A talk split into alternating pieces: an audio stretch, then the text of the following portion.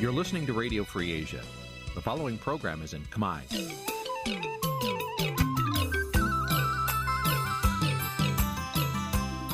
Nǐ chi càm bi tiệp xáy vệt chiu a zì sê ray នេះជាកម្មវិធីផ្សាយរបស់ Vithu Azisari ជាភាសាខ្មែរ វត្តឈូអាស៊ីសេរីសូមស្វាគមន៍លោកអ្នកនាងទាំងអស់ពីរដ្ឋធានី Washington នៃសហរដ្ឋអាមេរិក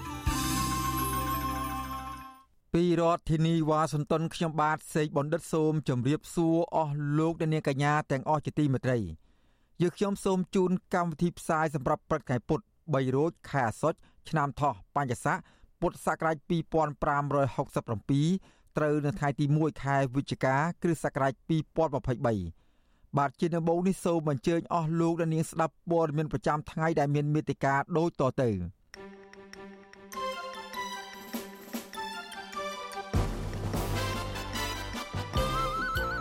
សង្គមស៊ីវិលស្នើឲ្យរដ្ឋាភិបាលមានវិធានការច្បាប់ឲ្យបានម៉ត់ចត់ចំពោះមន្ត្រី PM ដែលតាក់ទងនឹងការជួញដូរគ្រឿងញៀនសង្គមស៊ីវិលស្នើដល់ក្រសួងស្ថាប័នរដ្ឋទទួលមតិយោបល់និងដំណោះស្រាយជូនពលរដ្ឋតាមប្រព័ន្ធអ៊ីនធឺណិតសកម្មជនបកប្រឆាំងធ្វើយុទ្ធនាការចុះអប់រំកម្មករចំណាក់ស្រុកនៅថៃអំពីសិទ្ធិនិងប្រជាធិបតេយ្យ សហគមន៍រកឃើញដើមឈើធំធំនៅតំបន់ខ្នងវាលខេត្តកំពង់ស្ពឺរងការកាប់បំផ្លាញរួមនឹងព័ត៌មានសំខាន់សំខាន់មួយចំនួនទៀតជាបន្តទៅទៀតនេះខ្ញុំបាទសេកបណ្ឌិតសូមជូនព័ត៌មានពិស្ដាបាទលោកអ្នកនាងកញ្ញាជាទីមេត្រី មន្ត្រីសង្គមស៊ីវិលស្នើរដ្ឋាភិបាល មានវិធានការច្បាប់ឲ្យបានតឹងរឹងទៅលើមន្ត្រី PM ដែលពាក់ព័ន្ធជាមួយនឹងការទទួលផលពីការជួញដូរគ្រឿងញៀនអ្នកតាមដានស្ថានភាពសង្គមលើកឡើងថាដើម្បីទប់ស្កាត់កុំឲ្យកងកម្លាំងប្រដាប់អាវុធពាក់ព័ន្ធជាមួយនឹងការជួញដូរគ្រឿងញៀនរដ្ឋាភិបាលត្រូវតែពិនិត្យសារធាតុញៀនលើមន្ត្រី PM ទូទាំងប្រទេសនិងត្រូវលុបបំបាត់ការជ្រើសរើសមន្ត្រីកម្លាំងប្រដាប់អាវុធតាមរយៈខ្សែស្រឡាយបាទពីរដ្ឋធានីវ៉ាស៊ីនតោន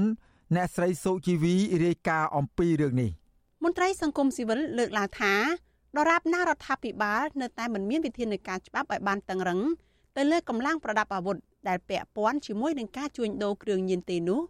ការចែកចាយគ្រឿងញៀននៅតែអាចបន្តកើតមានយ៉ាងអនាធបត័យនៅក្នុងប្រទេសប្រធានសមាគមសម្ព័ន្ធនិស្សិតបញ្ញវន្តខ្មែរលោកកើតសរាយលើកឡើងថា បញ្ហាចរាចរណ៍និងការប្រើប្រាស់គ្រឿងញៀន ដែលនៅបន្តរីកដុះដាលនៅទូទាំងប្រទេសគឺបណ្ដាលមកពីមានមន្ត្រីមានអំណាចនិងកងកម្លាំងប្រដាប់អាវុធជាប់ពាក់ព័ន្ធសកម្មភាពជួញដូរគ្រឿងញៀនលោកបន្តថាដើម្បីកាត់បន្ថយឬលុបបំបាត់ការប្រើប្រាស់និងចរាចរគ្រឿងញៀនបានរដ្ឋាភិបាលចាប់បាច់ត្រូវពង្រឹងការអនុវត្តច្បាប់ទៅលើមន្ត្រីខិលខូចទាំងនោះឲ្យបានតឹងរឹងនិងត្រូវបង្កើតអង្គភាពថ្មីមួយដោយឯករាជ្យ ដើម្បីស៊ើបអង្កេតមន្ត្រីដែលពាក់ព័ន្ធនឹងការជួញដូរគ្រឿងញៀនជាជាងទុកឲ្យអង្គភាពសម័យស្វែងរកមន្ត្រីខិលខូចនៅក្នុងអង្គភាពផ្ទាល់ខ្លួន ដែលនឹងមិនសូវមានប្រសិទ្ធភាពនោះឡើយ។ ត្រូវតែមានអង្គភាពសម្ងាត់ក្នុងការត្រួតពិនិត្យទៅលើអង្គភាពផ្សេងផ្សេងដែលជាអ្នកដើរតួនាទីក្នុងការប្រយុទ្ធប្រឆាំងទៅលើរឿងទាំងអស់នេះបើមិនដូច្នេះទេគឺមានន័យថាមនុស្សខូចនៅតែព្យាយាមប្រព្រឹត្តរឿងខូចបានដូច្នេះការដែលធ្វើឲ្យមានប្រសិទ្ធភាពក្នុងការទប់ស្កាត់គ្រឿងញៀនគឺនឹងមិនអាចទៅរួចទេបាទប្រតិកម្មរបស់មន្ត្រីអង្គការសង្គមស៊ីវិលបែបនេះធ្វើឡើងបន្ទាប់ពីកងរាជអាវុធហត្ថនៅក្នុងខេត្តប្រសេះអនុ បានឃាត់ខ្លួនមន្ត្រីកងរាជអាវុធហត្ថនៅក្នុងខេត្តកំពង់ស្ពឺចំនួន6នាក់កាលពីថ្ងៃទី26ខែតុលាជុំវិញការទទួលផលពីអំពើជួញដូរគ្រឿងញៀនក្នុងចំណោមមន្ត្រីកងរាជអាវុធហត្ថទាំង6នាក់នោះក៏មានមេបញ្ជាការរងកងរាជអាវុធហត្ថខេត្តកំពង់ស្ពឺលោកទឹកវណ្ណៈនិងមេបញ្ជាការមូលដ្ឋានកងរាជអាវុធហត្ថស្រុកភ្នំស្រួយលោកយុះឌីណាផងដែរទោះជាយ៉ាងណាសាធារណជនលើកឡើងថា ការឃាត់ខ្លួនមន្ត្រីជាន់ខ្ពស់កងកម្លាំងប្រដាប់អាវុធពាក់ព័ន្ធនឹងការជួញដូរគ្រឿងញៀនកន្លងមកធ្វើឡើងក្នុងរូបភាពគ្រាន់តែឲ្យល្អមើលតែប៉ុណ្ណោះជាក់ស្ដែងមន្ត្រីនគរបាលខេត្តកែបទាំង5នាក់ដែលត្រូវបានឃាត់ខ្លួនកាលពីខែកញ្ញាកន្លងទៅ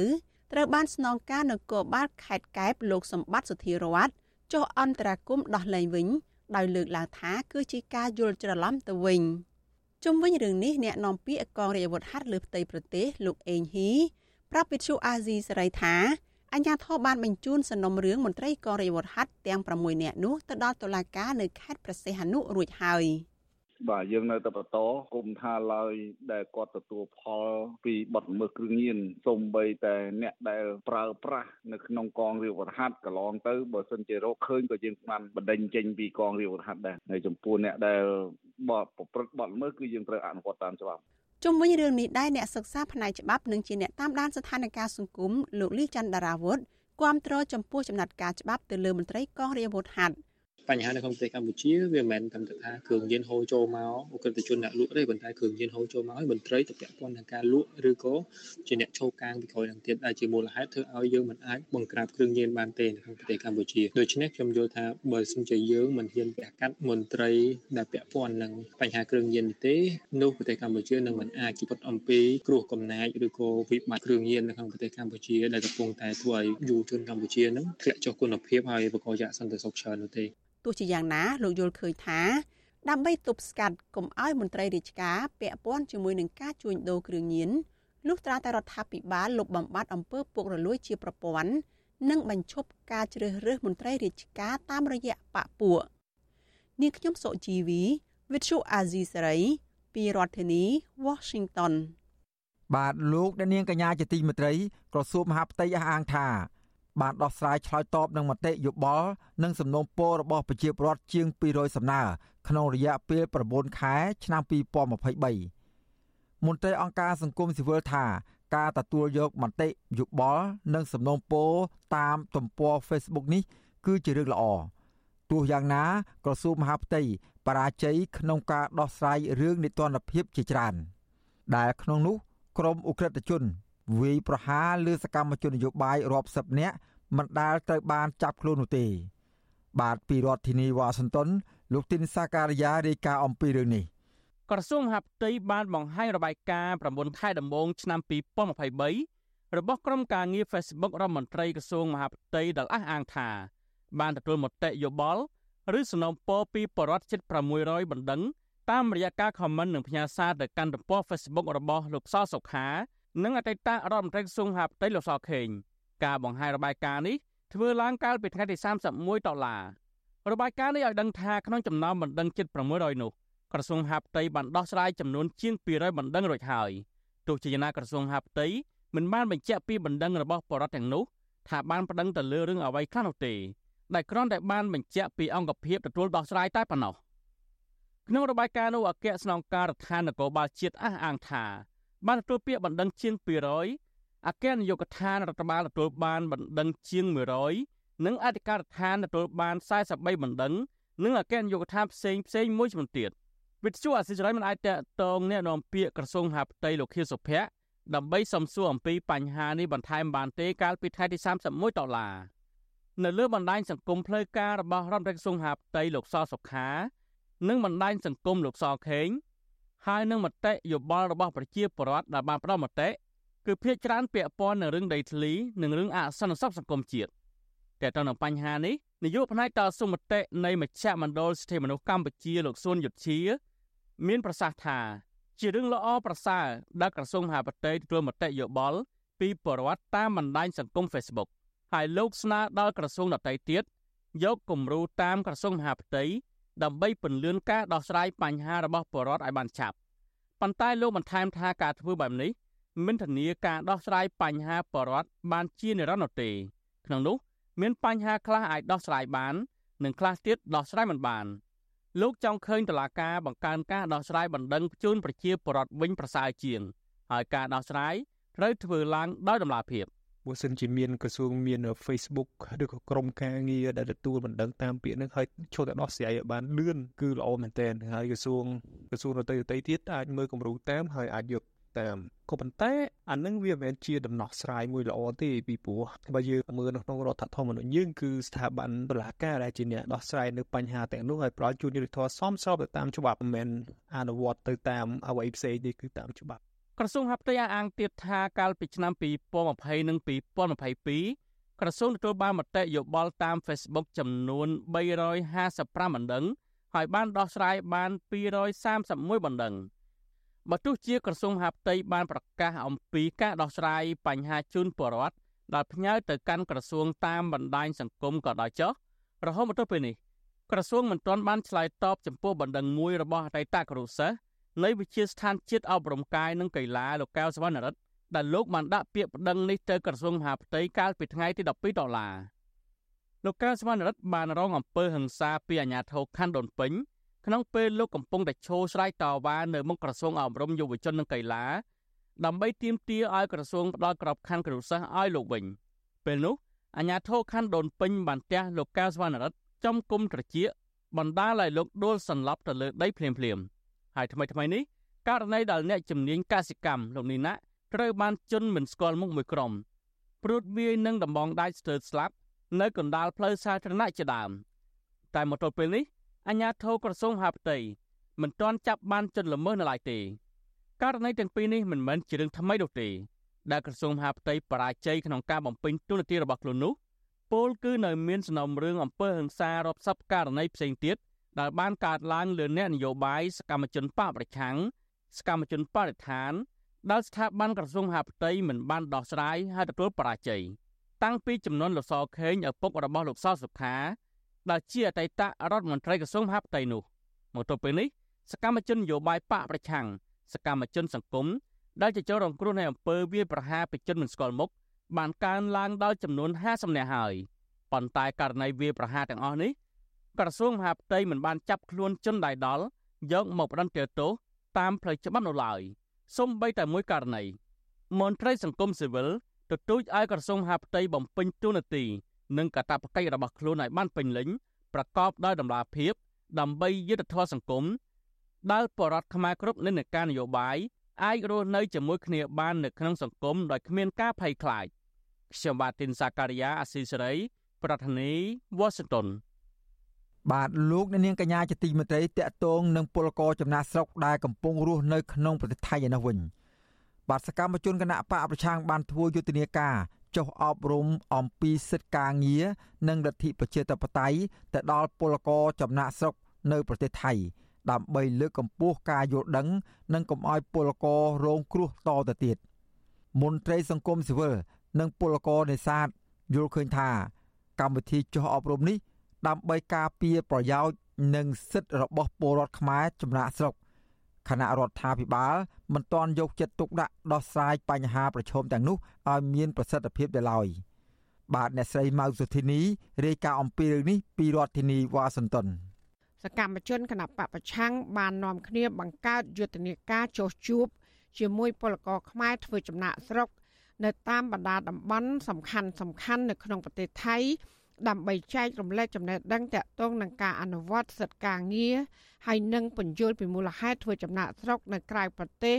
ផលប៉ះពាល់លើកុមារនៅពេលធ្វើចំណាក់ស្រុកជាមួយឪពុកម្ដាយជាដើមទន្ទឹមនេះពួកគេក៏បានលើកឡើងពីសារៈសំខាន់នៃសិទ្ធិរបស់បរដ្ឋក្នុងការធ្វើសកម្មភាពនយោបាយសេដ្ឋកិច្ចសង្គមគិច្ចនិងវប្បធម៌របស់ប្រទេសជាតិផងដែរ យុទ្ធនាការនេះរៀបចំឡើងដោយសមាគមសាមគ្គីការងារនិងបរិស្ថាន ប្រចាំនៅប្រទេសថៃ និងដោយសហការជាមួយមូលនិធិខ្មែរសង្គ្រោះជាតិអ្នកប្រជាធិបតេយ្យនៅសហរដ្ឋអាមេរិកសកម្មជនគណៈបព្វភ្លើងទៀនភៀសខ្លួននៅប្រទេសថៃនិងជាអ្នកសម្របសម្រួលកម្មវិធីលោកផនផាណាប្រពន្ធអសីស្រី នៅថ្ងៃទី31ខែតុលាថាការបង្កើតយុទ្ធនាការនេះគឺដោយសារតែពលករខ្មែរចំណាក់ស្រុកភៀសច្រើន ខ្វះព័ត៌មានពិតតាក់ទងនឹងសិទ្ធិការងារសិទ្ធិជ្រើសរើសមេដឹកនាំប្រទេស និងបញ្ហានយោបាយដទៃទៀតនៅកម្ពុជា ដែលជាមូលហេតុនាំឲ្យពួកគាត់ក្លាយជាជនរងគ្រោះដោយគ្មានការយកចិត្តទុកដាក់ពីរដ្ឋាភិបាលលោកថាមកដល់ពេលនេះយុទ្ធនាការបានរៀបចំជាច្រើនកន្លែងមកហើយមានដូចជានៅខេត្តរយង សមុទ្រប្រាកាន ក្រុងបាងកកនិងខេត្តឈុនបុរីជាដើម លោកបន្តថាកន្លែងជួបជុំនីមួយៗពលករបានលើកយកបញ្ហាសំខាន់សំខាន់មួយចំនួនដែលជួបប្រទះនៅកន្លែងធ្វើការងារដើម្បីឲ្យវាគ្មិនដែលជាអ្នកនយោបាយនិងមានបទពិសោធន៍ខាងច្បាប់និងសិទ្ធិមនុស្សចូលរួមចែករំលែកចំណេះដឹងនិងផ្ដល់ដំណោះស្រាយក្នុងការស្វែងរកកិច្ចអន្តរាគមន៍ពីស្ថាប័នពាក់ព័ន្ធដើម្បីឲ្យពួកគេចូលរួមសកម្មភាព ជាមួយការងារសង្គមនិងជៀសវាងរងការរំលោភបំពានផ្សេងផ្សេងពីថៃកែហើយនិងមេខ្យល់ក្នុងអំឡុងពេលធ្វើការនៅប្រទេសថៃបានជួបពួកយើងទៅគាត់មានភាពកក់ក្ដៅហើយគាត់ភ្ញាក់ខ្លួនពិសេសគឺពួកគាត់ បានលើកឡើងថាមានអង្គការសមាគមឬក៏មន្ត្រីដែលពាក់ព័ន្ធណារបស់រដ្ឋាភិបាលអីមកធ្វើកិច្ចការនេះអស់ហ្នឹងទេអញ្ចឹងកិច្ចការនេះខ្ញុំគិតថាវាសំខាន់មែនទែនសម្រាប់ការជួយដល់បងប្អូនពលករដែលកំពុងចំណាក់ស្រុកនៅប្រទេសថៃនេះគឺគាត់ជិះវិញពីការបោកប្រាស់កម្លេខ្យល់ឬក៏កែជាដើមគាត់បានយល់ដឹងពីកម្មពីកម្មវិធីនេះគាត់មានភាពក្លាហានក្រុមពលករដែលបានចូលរួមកម្មវិធីអប់រំនេះលើកឡើងស្រដៀងគ្នាថាពួកគេមិនចង់មកចំណាក់ស្រុក នៅក្រៅប្រទេសទាំងបថុយប្រឋាននិងគ្រោះថ្នាក់ដោយសពថ្ងៃនេះទេក៏ប៉ុន្តែដោយសារការងារក្នុងស្រុកមិនសូវមាន និងទទួលបានប្រាក់ឈ្នួលទាបហើយដែលមិនអាចដោះស្រាយជីវភាពបាន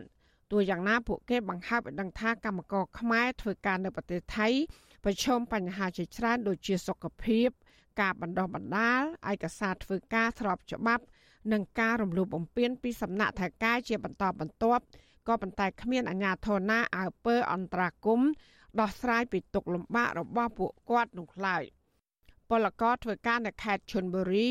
លោកមលីបាងសែនប្រាប់ថាលោកសបាយចិត្តដែលថ្នាក់ដឹកនាំគណៈបកភ្លើងទៀននៅប្រទេសថៃជួបសួរសុកទុក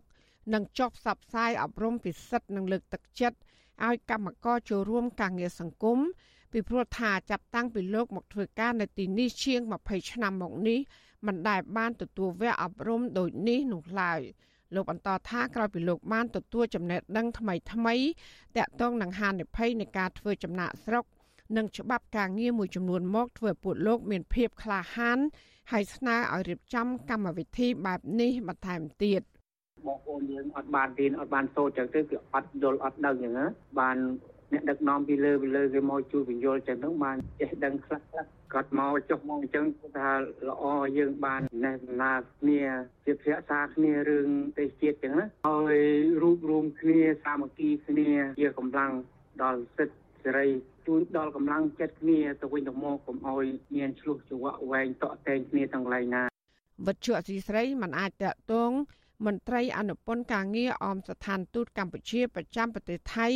គឺលោកឈឹមវិបុលនិងអ្នកនាំពាក្យក្រសួងការងារលោកកតាអូន ដើម្បីបញ្ជាក់ជុំវិញរឿងនេះបាននៅឡើយទេ នៅថ្ងៃទី31ខែតុលា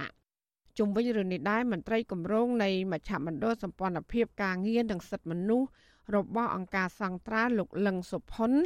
មើលឃើញថាពលករខ្មែរចំណាក់ស្រុកនៅប្រទេសថៃភ ieck ច្រើនគឺមិនសូវយល់ដឹងអំពីសិទ្ធិក្នុងការទាមទារអត្ថប្រយោជន៍ផ្សេងៗនៅកន្លែងការងារដែលធ្វើពួកគាត់ ងាយរងគ្រោះដោយសារការចាញ់បោកមួយខ្យល់និងថៅកែដោយសារតែការខ្វះយកចិត្តទុកដាក់ពីអាជ្ញាធរកម្ពុជា លោកយល់ថាការដែលអង្គការសមាគមនិងអ្នកនយោបាយចូលអប់រំពលករដើម្បីឲ្យយល់ដឹងអំពីច្បាប់ និងសិទ្ធិការងារនោះគឺជារឿងល្អ ប្រព័ន្ធការងារក្តីខាងស្ថានទូតក្តីគួរណាតែមានវិធានការមួយជាក់លាក់ដើម្បីចុះអប់រំបងប្អូនពលករខ្មែរដើម្បីឲ្យគាត់បានយល់អំពីសិទ្ធិដើម្បីឲ្យគាត់បានចំណេះដឹងទទួលបានខាងផ្នែកដែលគាំពៀអញ្ចឹងការពៀតើទៅធ្វើដោយម្ដេចនៅពេលដែលគាត់មានបញ្ហាប្រឈមតែផ្ទុយទៅវិញកន្លងមកដែលខ្ញុំមើលឃើញហាក់បីដូចជាមិនទាន់មានវិធានការឲ្យច្បាស់លាស់ដើម្បីឲ្យបងប្អូននឹងបានយល់ដឹងអំពីការងារនៅក្នុងប្រទេសថៃនឹងឲ្យទូលំទូលាយនៅឡើយទេ របាយការណ៍ក្រសួងការងារបង្ហាញថាមកដល់ពេលនេះពលករកម្ពុជាកំពុងធ្វើការនៅក្រៅប្រទេស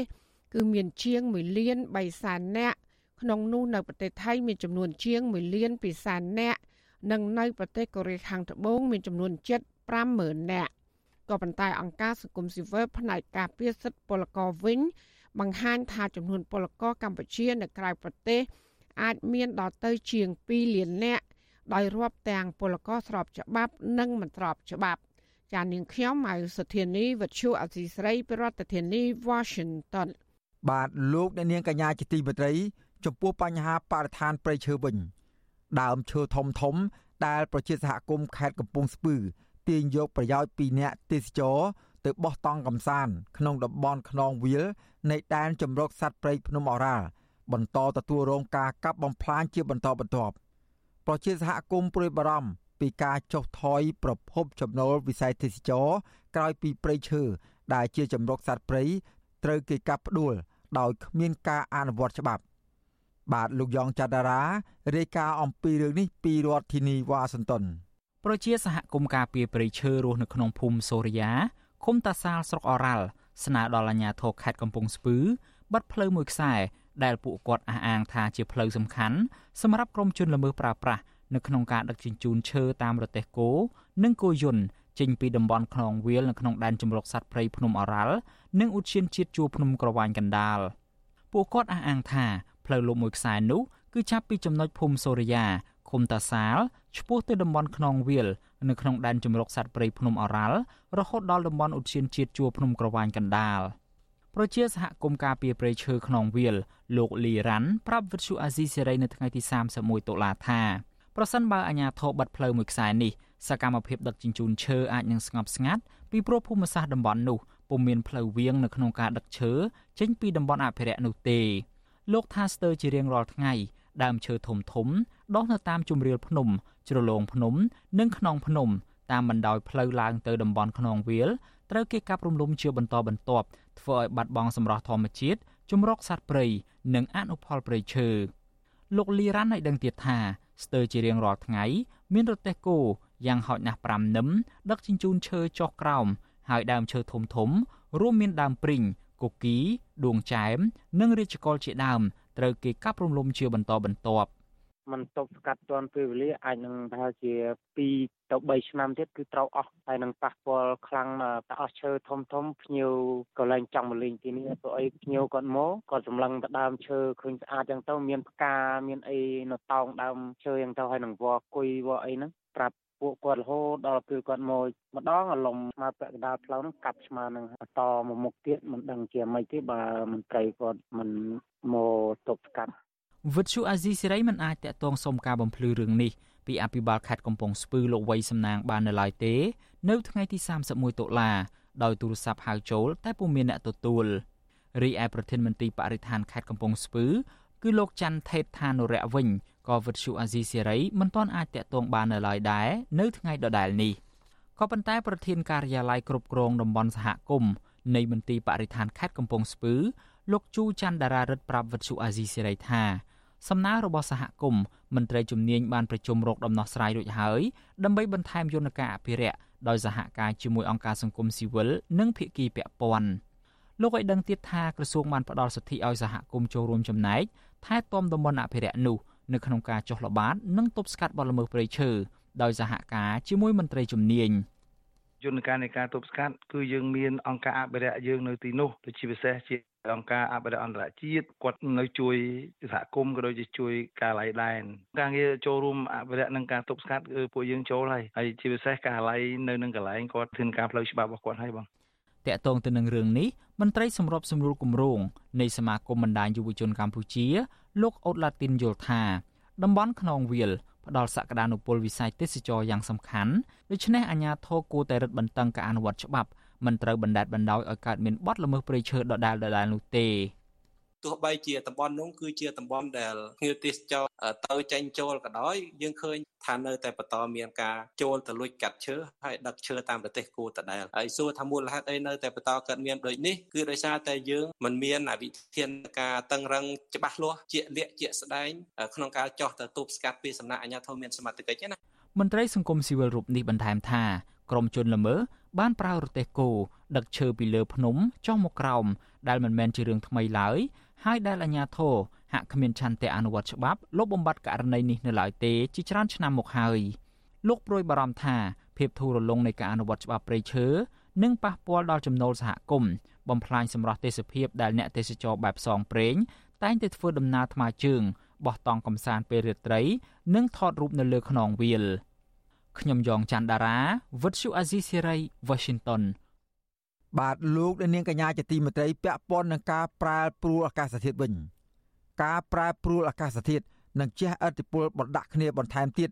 ទៅលើគ្រប់ផ្នែកនៃសេដ្ឋកិច្ចប្រសិនបើរដ្ឋាភិបាលកម្ពុជាគ្មានដំណោះស្រាយហើយវានឹងបង្កហានិភ័យច្រើនដល់ប្រទេស និងប្រជាជនកម្ពុជា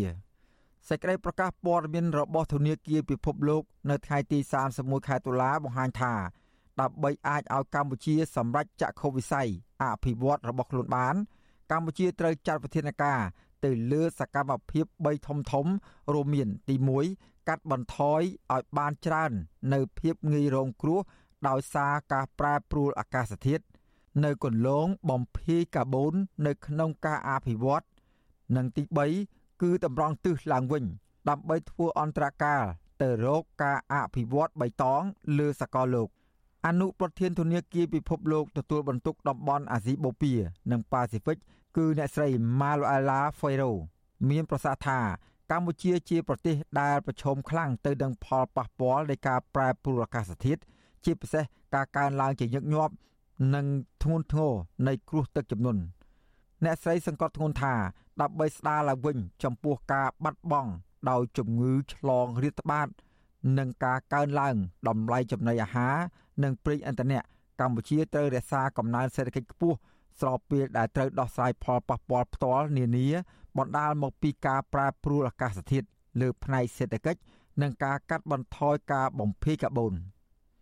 ការប្រមានរបស់ធនាគារពិភពលោកនេះធ្វើឡើងក្រោយពីមានការចេញផ្សាយរបាយការណ៍ថ្មីៗនេះស្ដីអំពីស្ថានភាពអាកាសធាតុនិងការអភិវឌ្ឍរបស់ប្រទេសកម្ពុជា បានរកឃើញថាកម្ពុជាកំពុងរងផលប៉ះពាល់ខ្លាំងពីការប្រែប្រួលអាកាសធាតុរួចទៅហើយអស់រយៈពេលជាង7ឆ្នាំចុងក្រោយនេះក្នុងនោះរួមមានការកើនឡើងនៃភាពរាំងស្ងួត និងទឹកជំនន់ជាញឹកញាប់ដែលមានស្ថានភាពធ្ងន់ធ្ងរជាងមុនទិន្នផលដំណាំសំខាន់និងជលផលធ្លាក់ចុះដែលបង្កបញ្ហាប្រឈមដល់សន្តិសុខស្បៀងនិងអាហារូបត្ថម្ភសីតុណ្ហភាពកាន់តែខ្ពស់និងភ្លៀងធ្លាក់ខ្លាំង ប៉ះពាល់យ៉ាងធ្ងន់ធ្ងរដល់សុខភាព ហើយជាដើមចមនៃការកើនឡើងនៃជំងឺរាតត្បាតនានាផងដែររបាយការណ៍ស្រាវជ្រាវនេះក៏បាន សង្កត់ធ្ងន់ថារបៀបរបបនៃផែនការអភិវឌ្ឍឬការសាងសង់ថ្មីថ្មីនៅកម្ពុជា បានធ្វើឲ្យអ្នកតាំងទីលំនៅថ្មីក្នុងទីក្រុងស្ថិតនៅក្នុងតំបន់ងាយរងគ្រោះដោយសារការលិចលង់ពីទឹកជំនន់និងរួមបន្ថែមធ្វើឲ្យប៉ះពាល់បន្ថែមទៅនឹងការប្រែប្រួលអាកាសធាតុដែរ យោងតាមការព្យាករណ៍អាកាសធាតុហានិភ័យទឹកជំនន់និងសម្ពាធកម្ដៅនៅក្នុងប្រទេសកម្ពុជានឹងមានសភាពកាន់តែអាក្រក់នាពេលអនាគតប្រសិនបើគ្មានវិធានការបន្ស៊ាំនិងកាត់បន្ថយផលប៉ះពាល់សមស្របនោះទេ ទឹកជំនន់អាចបង្កឲ្យមានការខាតបង់កាន់តែច្រើនឡើង ដល់រោងចក្រផ្លូវថ្នល់ផ្ទះសម្បែងសាលារៀនហើយសេវាកម្មនិងខ្សែសង្វាក់ផ្គត់ផ្គង់សំខាន់សំខាន់ ក៏នឹងជួបភាពរអាក់រអួលទៀតផង របាយការណ៍ក៏សម្គាល់ឃើញទៀតថាកម្ពុជាបានដាក់ចេញនៅគោលដៅវែងឆ្ងាយមួយ ក្នុងការប្រែក្លាយសេដ្ឋកិច្ចឲ្យទៅជាប្រទេសមានចំណូលមធ្យមកម្រិតខ្ពស់នៅឆ្នាំ2030ដើម្បីអាចសម្រេចគោលដៅនេះបាន កម្ពុជាចាំបាច់ត្រូវតែខិតខំជំនះឧបសគ្គមួយចំនួនរួមមានទាំងការបង្កើនហេដ្ឋារចនាសម្ព័ន្ធដើម្បីសម្រួលដល់ការធ្វើពាណិជ្ជកម្មការវិនិយោគពីក្នុងស្រុក ដោះស្រាយការថយចុះនៃវិនិយោគសាធារណៈ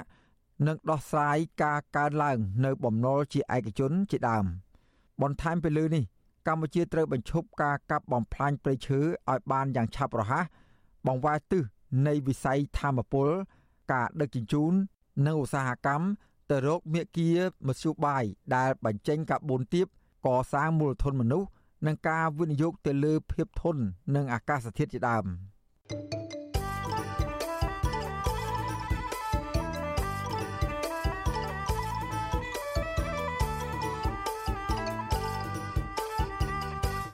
បាទលោកអ្នកនាងកញ្ញាជាទីមេត្រីពាក់ព័ន្ធនឹងកិច្ចការការពារធនធានធម្មជាតិនេះដែរក្រមអាជ្ញាធរខណ្ឌដូនពេញ បានរៀបរៀងក្រុមយុវជន ស្រឡាញ់បរិស្ថានជិត20នាក់ខណៈពួកគាត់ធ្វើដំណើរពីផ្សាររាត្រីទល់មុខមាត់ទន្លេឆ្ពោះទៅក្រសួងបរិស្ថាន ដើម្បីដាក់ញត្តិស្នើសុំឲ្យដំឡើងពន្ធនាំចូលថង់ប្លាស្ទិកនៅថ្ងៃទី31ខែតុលាមន្ត្រីឃ្លាំមើលសិទ្ធិមនុស្សយល់ឃើញថាការរារាំងរបស់អាជ្ញាធរគឺជាការរំលោភសិទ្ធិមនុស្ស និងគម្រាមកំហែងដល់យុវជនដែលគិតគូរពីបញ្ហាបរិស្ថាន បាទលោកយុនសមៀនរាយការណ៍ព័ត៌មាននេះពីរដ្ឋធានីវ៉ាស៊ីនតោនក្រមយុវជនខណ្ឌដូនពេញស្លៀកពាក់ស៊ីវិលនិងឯកសន្តានចំនួន20នាក់បានរៀបរៀងរុញច្រាននិងចោទយុវជនថាធ្វើឲ្យខូចសណ្ដាប់ធ្នាប់សាធារណៈហើយបានដកបដាចេញពីក្រមយុវជននៅពេលពួកគេធ្វើដំណើរទៅដាក់ញត្តិនៅក្រសួងបរិស្ថាន យុវជនធ្វើដំណើរទៅដាក់ញត្តិនៅក្រសួងបរិស្ថានមានគ្នា20នាក់បានយកថង់ប្លាស្ទិកមករុំខ្លួន និងចងក្រណាត់ពណ៌ខៀវនៅលើក្បាលដែលមានខ្លឹមសារថាជីវិតថ្លៃថ្នូរយុវជនសកម្មការងារសង្គមកញ្ញារៀមច័ន្ទស្រីពេជ្ររតនាប្រាប់វិទ្យុអសីសេរីនៅថ្ងៃទី31តុលាថាគោលបំណងនៃការដាក់ញត្តិនេះគឺដើម្បីស្នើឲ្យរដ្ឋាភិបាលដំឡើងពន្ធលើការនាំចូលថង់ប្លាស្ទិកចន្លោះពី10% ទៅ15%និងដំឡើងតម្លៃថង់ប្លាស្ទិកនៅតាមផ្សារទំនើប800រៀលក្នុងមួយថង់ដើម្បីជំរុញកុំឲ្យពលរដ្ឋប្រើប្រាស់ដើម្បីការពារបរិស្ថានកញ្ញាថាតម្លៃថង់ជាមធ្យមនៅក្នុងទីផ្សារទំនើបមួយថង់ចន្លោះពី400រៀលទៅ500រៀលកញ្ញាបន្តថាតំណាងក្រសួងបរិស្ថាន បានចេញមកទទួលញត្តិប៉ុន្តែកញ្ញាសោកស្ដាយដែលអាជ្ញាធរខណ្ឌដូនពេញបានប្រើពាក្យសម្ដីមិនសមរម្យ និងប្រើប្រាស់ហិង្សារុញច្រានក្រុមយុវជន។សោកស្ដាយថាពួកគាត់ជាមន្ត្រីវិជ្ជាជាអាជ្ញាធរសំណាក់នោះគឺត្រូវការពារប្រជាពលរដ្ឋដែលដើរលើសាធារណៈត្រូវតែផ្ដល់នូវសេវាដ៏ល្អជូនប្រជាពលរដ្ឋតែបែរជាពួកគាត់មកហាមឃាត់ហើយប្រើប្រាស់នៅហិង្សាមកកាន់ប្រជាពលរដ្ឋទោះថាតើពួកគាត់ធ្វើការបម្រើប្រជាពលរដ្ឋឬក៏គ្រាន់តែតែងខ្លួនមកឈរតាំងពីពណ៌នៅខាងមុខឲ្យឃើញថាមានសម្ដាប់ធ្នាប់ហើយគ្រាន់តែមកឈរការពារបម្រើទៅលើអ្នកមានអំណាចឬក៏យ៉ាងណា ស្រដៀងគ្នានេះដែរយុវជនស្រឡាញ់បរិស្ថានកញ្ញាចិនឆវិនដែលបានចូលរួមដង្ហែញ៉ាត់លើកឡើងថាបញ្ហាថង់ប្លាស្ទិកបានបង្កឲ្យមានផលប៉ះពាល់ដល់សុខភាពពលរដ្ឋបរិស្ថាន និងជីវៈចម្រុះជាច្រើននៅក្នុងទឹកជាពិសេសអាចធ្វើឲ្យភ្ញៀវទេសចរឈប់មកកំសាន្ត ដោយសារតែក្លិនស្អុយនៃកាកសំណល់ទាំងនោះវាប៉ះពាល់ទៅដល់មនុស្សថាហើយវាអាចដល់ការបំពុលខ្យល់ទឹកដែលយើងប្រស្រ័យទាក់ទងនឹងវាដែរហើយមួយវិញទៀតនៅពេលដែលយើងប្រើខ្លាំងដីក៏អត់មានជីជាតិដែរពេលដែលយើងប្រើប្រាស់វាហើយយើងដុតហើយតែក៏ វាហុយទៅលើអាកាសក៏ធ្វើឲ្យប៉ះពាល់ដល់ឧស្ម័នដែរកាលពីខែធ្នូឆ្នាំ2016ក្រសួងបរិស្ថានបានចេញអនុក្រឹត្យមួយប្រគល់មុខងារគ្រប់គ្រងសម្រាមនិងសំណល់នៅតាមទីប្រជុំជនទៅឲ្យរដ្ឋបាលរាជធានីក្រុង និងស្រុកធ្វើប្រតិភូកម្មមុខងារគ្រប់គ្រងសម្រាមទៅឲ្យរដ្ឋបាលថ្នាក់ខណ្ឌដោយចាត់វិធានការចាំបាច់ដើម្បីបង្កើនប្រសិទ្ធភាពនិងសវត្ថភាពក្នុងការគ្រប់គ្រងសម្រាម សំណល់រឹង នៅតាមទីប្រជុំជន ទោះបីបែបនេះក្តីកន្លងមកពលរដ្ឋសកម្មជនបរិស្ថាន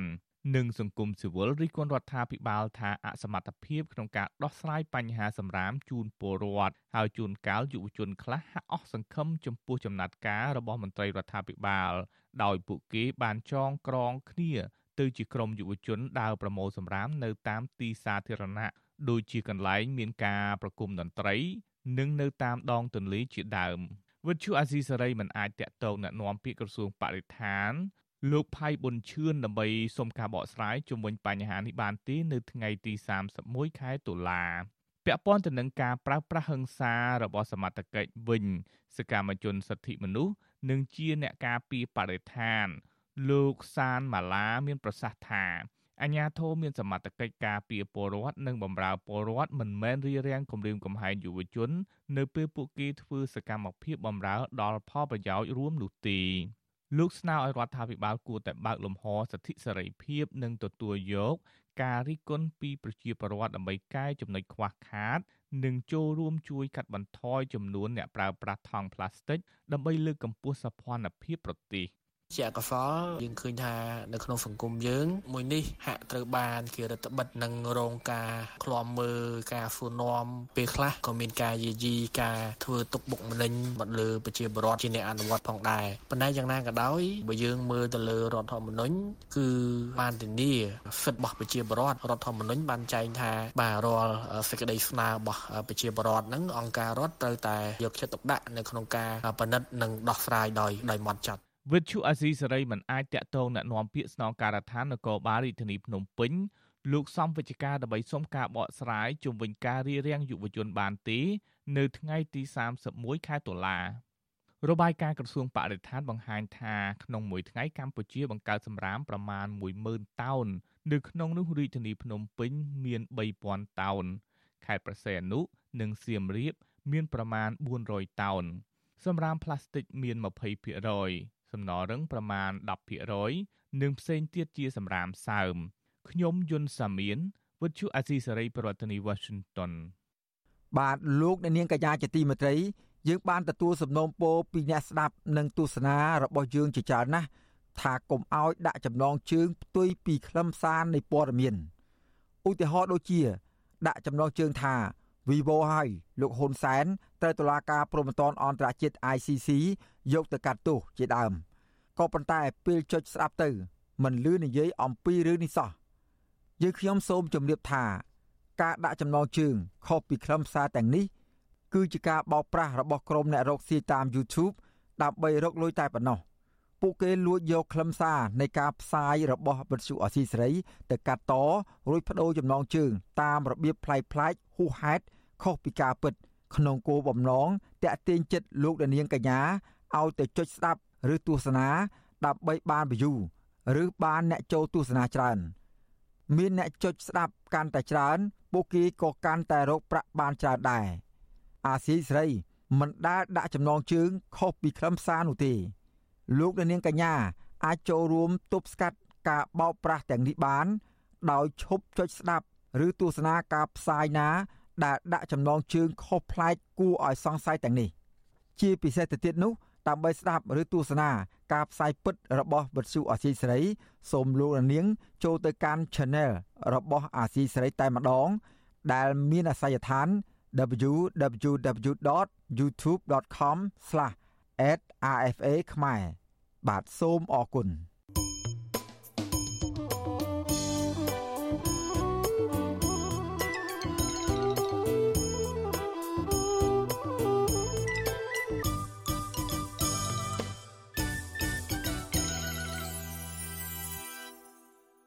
បាទលោកនាងកញ្ញាជាទីមេត្រីតកតងនឹងស្ថានភាពនយោបាយនៅក្នុងប្រទេសកម្ពុជាបច្ចុប្បន្ននេះវិញ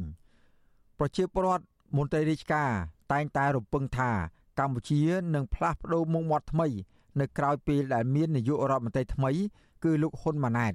ក៏ប៉ុន្តែមកទល់នឹងពេលនេះកម្ពុជាហាក់បីដូចជាគ្មានអ្វីខុសប្លែកពីមុននោះឡើយផ្ទុយទៅវិញកម្ពុជាក្រោមការដឹកនាំរបស់លោកហ៊ុនម៉ាណែតគឺធ្វើឲ្យប្រជាពលរដ្ឋស្ថិតនៅក្នុងភាពភ័យខ្លាចគ្មានសិទ្ធិសេរីភាពពេញលេញដដែលតើមូលហេតុអ្វីបានជាលោកហ៊ុនម៉ាណែតមិនបើកលំហសិទ្ធិសេរីភាពជូនដល់ប្រជាពលរដ្ឋឡើងវិញ បាទសូមលោកនាង រងចាំស្ដាប់បទវិភាគអំពីបញ្ហានេះនាពេលបន្តិចទៀត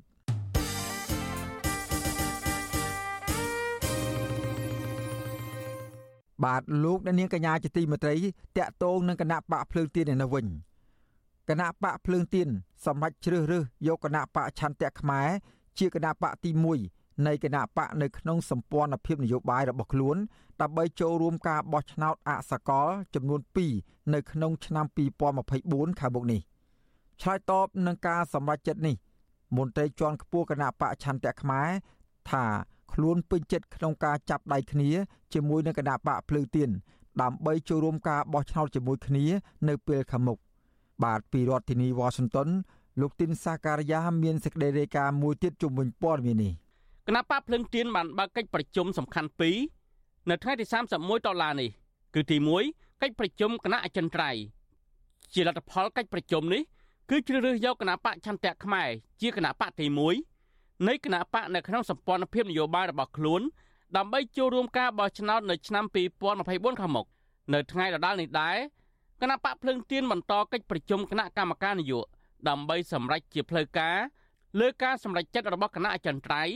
តែកិច្ចប្រជុំនេះមិនទាន់អាចចេញសេចក្តីសម្រេចរួមរបស់គណៈបកបានឡើយទេពីព្រោះថាគណៈកម្មការនយោបាយចូលរួមប្រជុំមិនទាន់គ្រប់ចំនួននៅឡើយអ្នកនាំពាក្យគណៈបកភ្លើងទៀនលោកគឹមសុភិរិទ្ធឲ្យវិទ្យុអសិរ័យដឹងនៅក្រៅពីកិច្ចប្រជុំនៅថ្ងៃទី31ដុល្លារនេះថាគណៈបកភ្លើងទៀននៅតែគោរពការសម្រេចរបស់កិច្ចប្រជុំគណៈអចិន្ត្រៃយ៍ដដាលហើយគណៈបកនេះនឹងបន្តកិច្ចប្រជុំគណៈកម្មការនយោបាយបន្តទៀតនៅពេលខាងមុខ លោកអះអាងថាមូលហេតុដែលគណៈអចិន្ត្រៃយ៍គណៈបកភ្លឹងទៀនសម្រាប់ជ្រើសយកគណៈបកចន្ទៈខ្មែរជាជំរើសទី1ពីព្រោះគណៈបកចន្ទៈខ្មែរមានប្រវត្តិតស៊ូ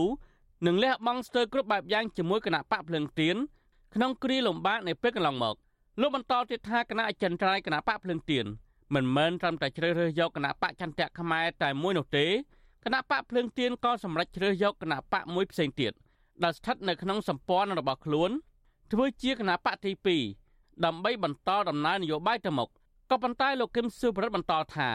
លោកមិនទាន់បង្ហាញឈ្មោះគណៈបកទី2នៅពេលនេះនៅឡើយទេ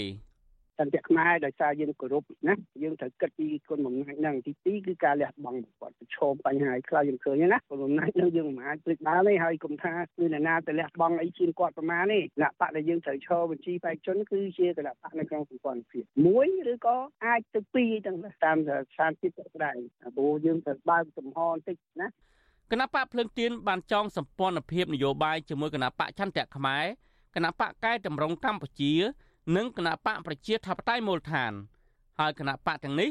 បានបង្កើតសម្ព័ន្ធភាពជាមួយគ្នាមួយ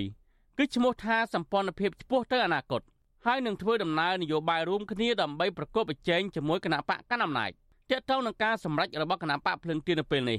មន្ត្រីជាន់ខ្ពស់គណៈបកចន្ទៈខ្មែរលោកផលសិទ្ធុនមានប្រសាសន៍ថាការសម្រេចចិត្តផ្ទៃក្នុងរបស់គណៈបកភ្លឹងទៀននៅពេលនេះគឺជាលទ្ធផលជំហានទី1លោកបន្តទៀតថាជំហានទី2 គណៈបកសម្ព័ន្ធទាំង4ក្រុងនឹងជួបប្រជុំគ្នានៅថ្ងៃទី1វិច្ឆិកាដើម្បីឲ្យជ្រើសរើសយកការសម្រេចរួមគ្នាក្នុងនាមជាគណៈបកសម្ព័ន្ធមិត្តទាំង4លោកបន្ថែមទៀតថាបើសិនជាគណៈបកសម្ព័ន្ធភាពទាំង4សម្រាប់ជ្រើសរើសយកគណៈបកចន្ទៈខ្មែរដោយការសម្រេចរបស់គណៈបកភ្លឹងទៀនដែរនោះគណៈបកចន្ទៈខ្មែររបស់លោកនឹងទុកលទ្ធភាពច្រើនបំផុតឲ្យគណៈបកភ្លឹងទៀនក្នុងការដាក់បញ្ជីឈ្មោះបេក្ខជនចូលរួមការបោះឆ្នោតនាពេលខាងមុខ បានន័យថាអើយគាត់ចំណាយពេលទាំងអើយកម្លាំងចិត្តកម្លាំងថវិកាទាំងអើយ ការលំបាកផ្សេងផ្សេងអញ្ចឹងយើងជាគុណធម៌ក៏យើងត្រូវថាផ្ដល់តម្លៃឲ្យគាត់នឹងច្រើនបាទច្រើនមែនតើបាទយើងមិនអាចប្រាប់ភាគរយទេពីព្រោះហើយហើយគ្នាតស៊ូច្រើនហើយមកហើយក្នុងការរៀបចំបេក្ខជនពិតជាក៏ដោយការរៀបចំបេក្ខជនក្រុមប្រឹក្សារាជធានីស្រុកខណ្ឌក៏ដោយក៏យើងត្រូវតែគោរពគណៈបកភ្លើងទៀននៅឈ្មោះឋានបាទតកតងនៅរឿងនេះដែរអ្នកសិក្សាផ្នែកច្បាប់ លោកវុនច័ន្ទលូតសង្កេតឃើញថាគណៈបកចន្ទៈខ្មែរមានភាពជិតស្និទ្ធជាមួយគណៈបកភ្លើងទៀនជាងគណៈបកសម្ព័ន្ធមិត្ត3ផ្សេងទៀតលោកបន្តថាការវិវត្តនយោបាយចុងក្រោយនៃក្រុមគណៈបកក្រៅរដ្ឋាភិបាលនៅពេលនេះនឹងធ្វើឲ្យបរដ្ឋទទួលបានផលប្រយោជន៍នៃការប្រកួតប្រជែងមួយដែលមានគណៈបកប្រឆាំងពិតប្រាកដចូលរួមក្នុងការបោះឆ្នោតហើយក៏អាចធ្វើឲ្យស្ថាប័នរដ្ឋសំខាន់សំខាន់អាចនឹងមានសម្លេងពហុបកឡើងវិញផងដែរ។ ជាគឺពិតជាត្រូវការហើយជាពិសេសគឺត្រូវការនៅគណៈបកប្រឆាំងមួយដែលគាត់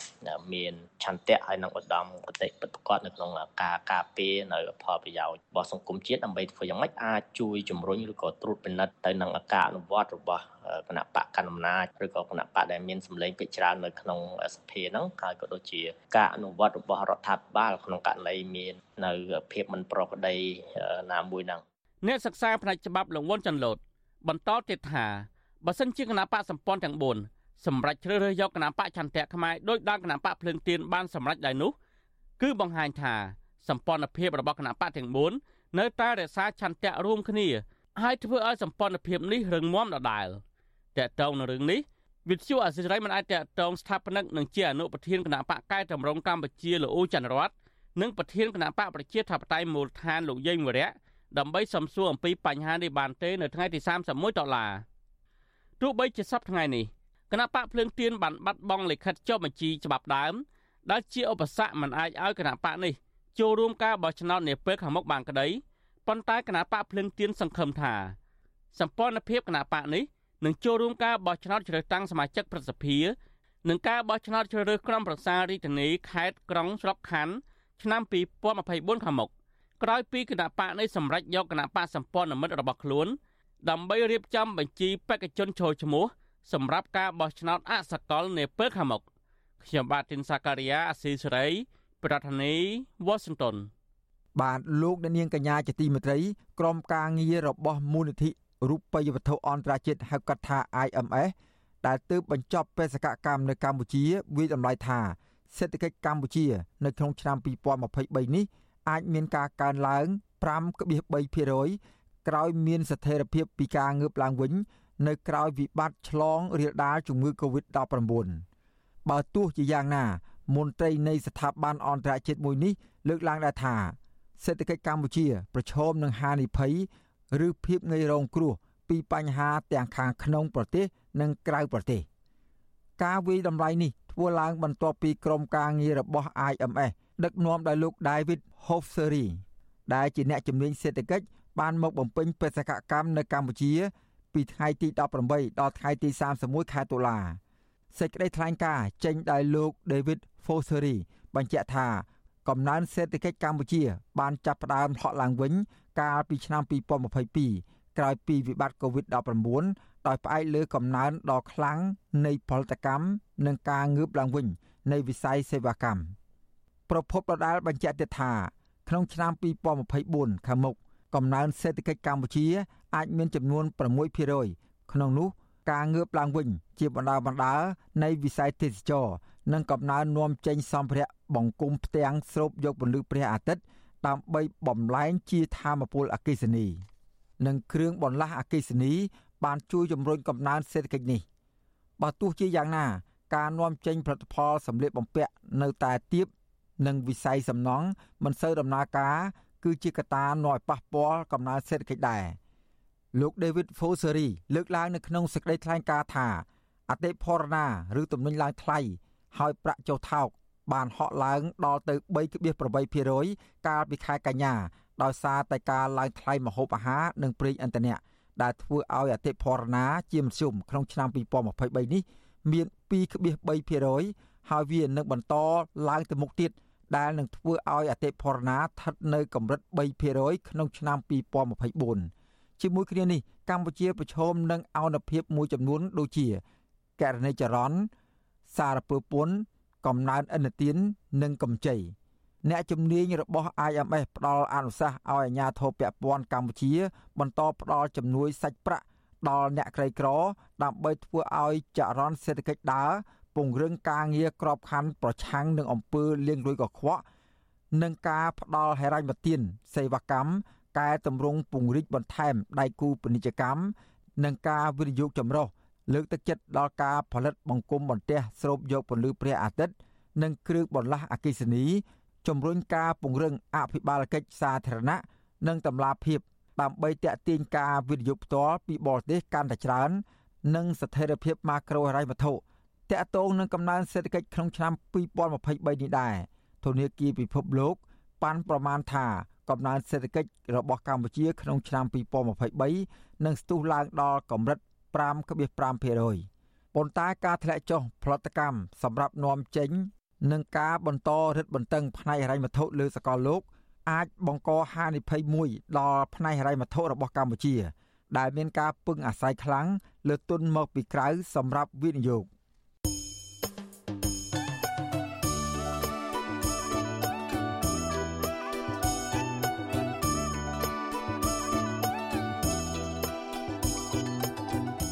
បាទលោកដានៀងកញ្ញាកំពុងតាមដានស្ដាប់ការផ្សាយរបស់វិទ្យុអាស៊ីសេរីពីរដ្ឋធានីវ៉ាស៊ីនតោនសហរដ្ឋអាមេរិក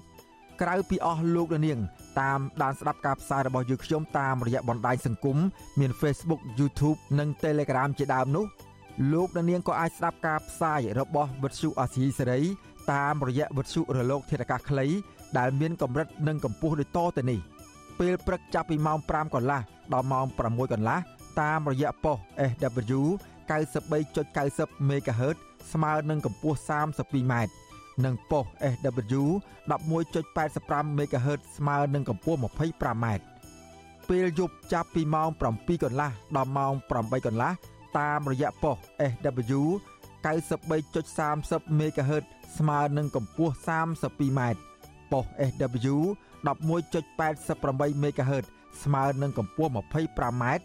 និងប៉ុស SW 15.15 MHz ស្មើនឹងកម្ពស់ 20m បាទសូមអរគុណ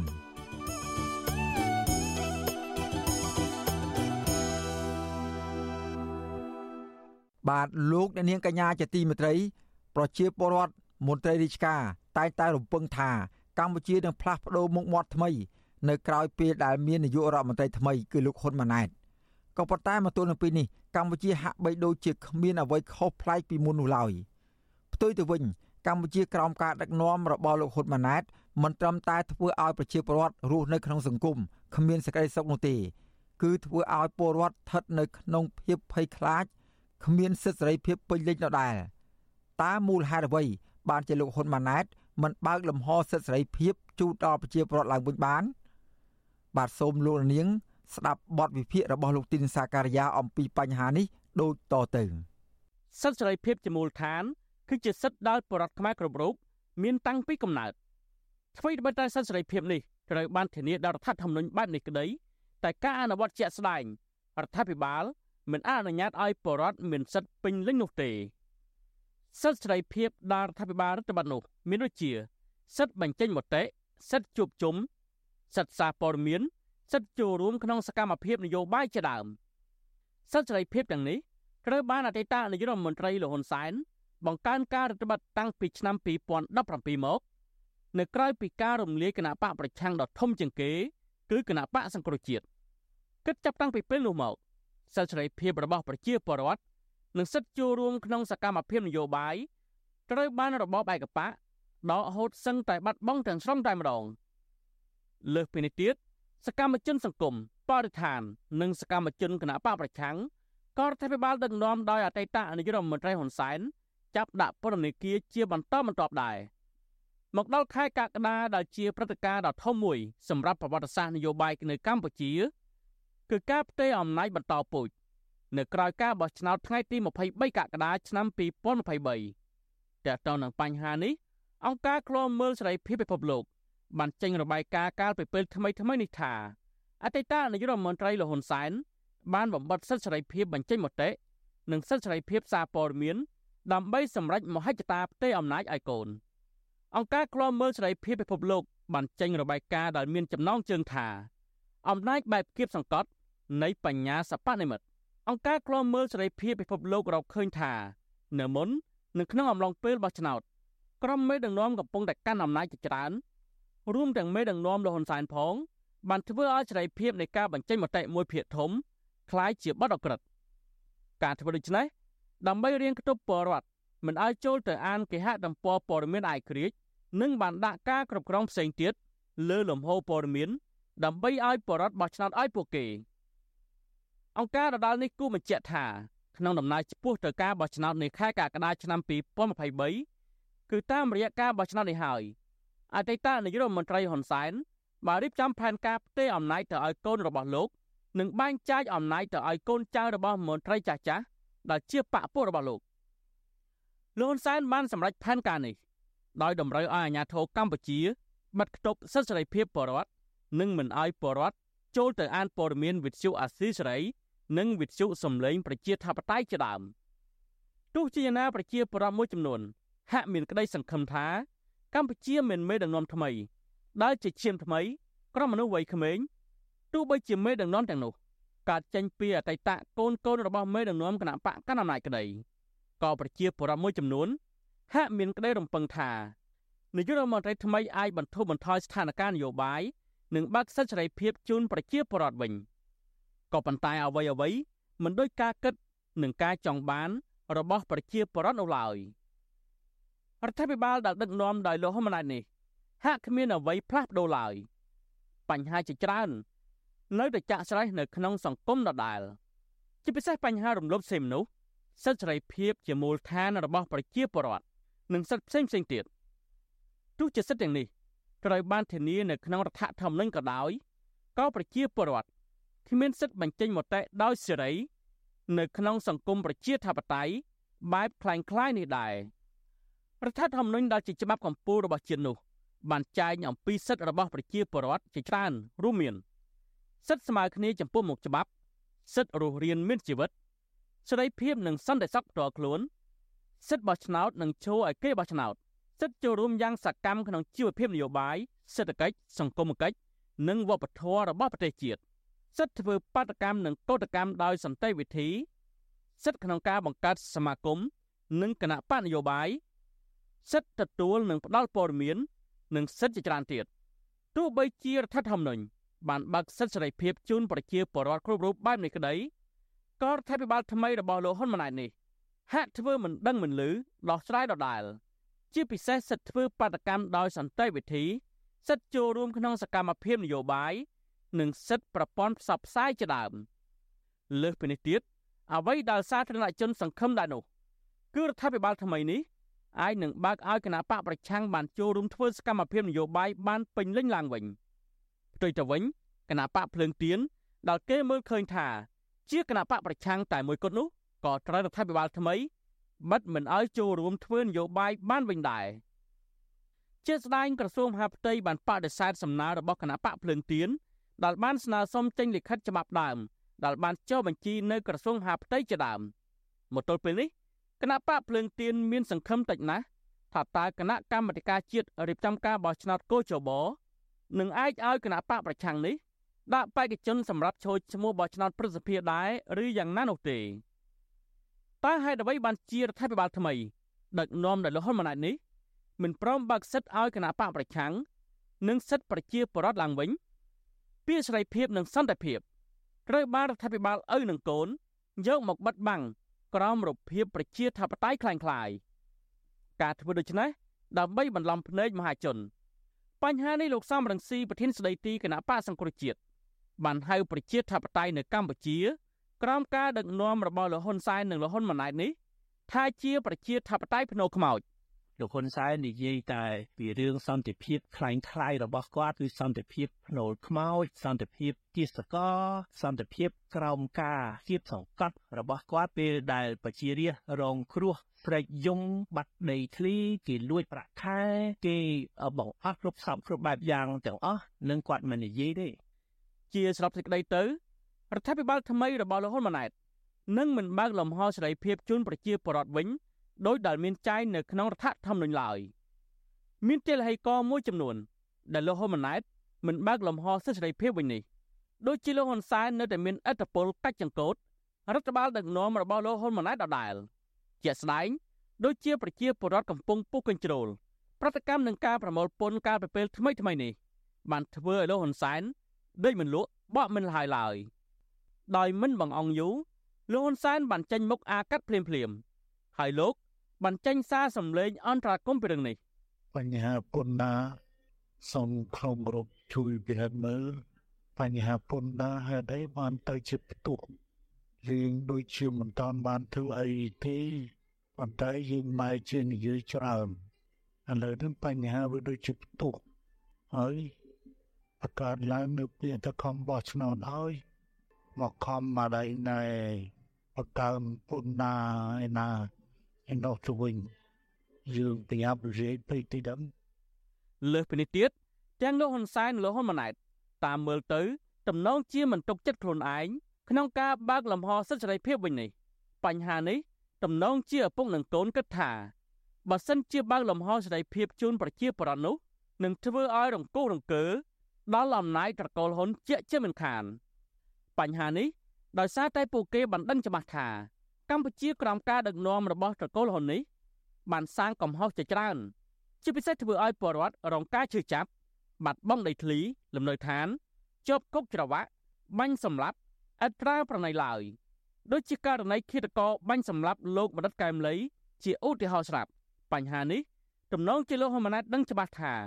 បើសិនជាបើកលំហសេរីភាពប្រជាពលរដ្ឋនិងសិទ្ធិសេរីភាពជូនគណៈបញ្ញោបាយប្រឆាំងនោះប្រហែលជាលោក មិនអាចដណ្ដើមជ័យជំនះពីការបោះឆ្នោតដោយសេរីត្រឹមត្រូវនិងយុត្តិធម៌បានឡើយដោយសារតែបញ្ហាទាំងនេះហើយទើបឪពុករបស់លោកគឺលោកហ៊ុនសែនបានរៀបចំការបោះឆ្នោតកាលពីខែកក្កដាឆ្នាំ2023កន្លងទៅទប់ស្កាត់គណៈបកប្រឆាំងជាមុនសិនទើបលោករៀបចំការបោះឆ្នោតដោយគ្មានដៃគូប្រកួតប្រជែងប្រហាក់ប្រហែលគ្នា ទីបំផុតទៅលោកហ៊ុនសែនបានទទួលជ័យជំនះយ៉ាងត្រចះត្រចង់ ក្រោយពីទទួលបានជ័យជំនះហើយនោះទើបលោកហ៊ានលើកទង់ជ័យឬផ្ទេរអំណាចឲ្យកូនប្រុសរបស់លោកគឺលោកហ៊ុនម៉ាណែតដោយគ្មានឧបសគ្គអ្វីរៀងខ្ទប់នោះឡើយខ្ញុំម៉ាទីនសាការីយ៉ាអស៊ីសេរីប្រធានាធិបតី Washington